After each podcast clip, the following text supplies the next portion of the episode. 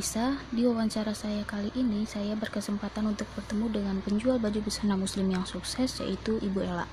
Ibu Nur Laila atau yang biasa dikenal dengan sebutan Ella ini adalah salah satu seorang pedagang baju busana muslim yang sukses. Bahkan beliau sudah mempunyai beberapa toko di Jakarta Selatan. Ibu Ella merintis karir sudah dari tahun 2015. Beliau mengawali bisnis ini dengan berjualan pada saat menjelang hari lebaran atau pada saat bazar mingguan di dekat rumahnya.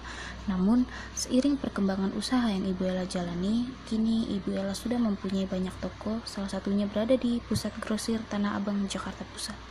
Berikut wawancara saya dengan beliau. Pada wawancara saya kali ini, saya berkesempatan untuk mewawancarai tetangga saya yang merupakan seorang pedagang sukses. Saya mewawancarai pedagang baju busana muslim yang berada di wilayah Jakarta Selatan. Beliau mempunyai toko di pusat grosir Tanah Abang. Selamat pagi, Bu. Boleh minta waktunya sebentar? Perkenalkan, saya Sania Hirunisa. Saya ada tugas akhir semester, di mana tugas tersebut saya diminta mewawancarai seorang pedagang. Apakah Ibu bersedia menjadi narasumber saya? Dengan siapa saya berbicara? Saya Ibu Ella, saya bersedia. Baik, Ibu.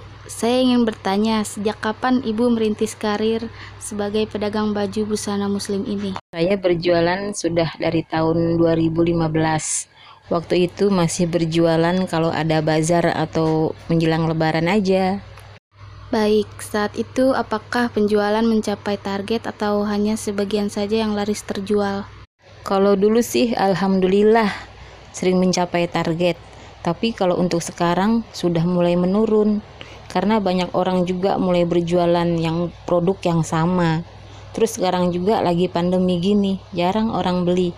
Bahkan kemarin juga lebaran gak ada yang beli.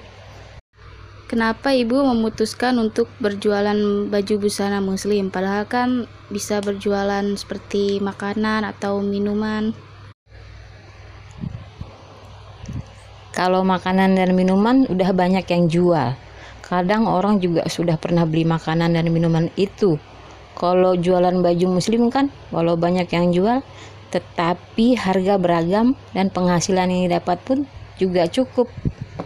Baik ibu. Terima kasih atas waktunya. Selamat berjualan.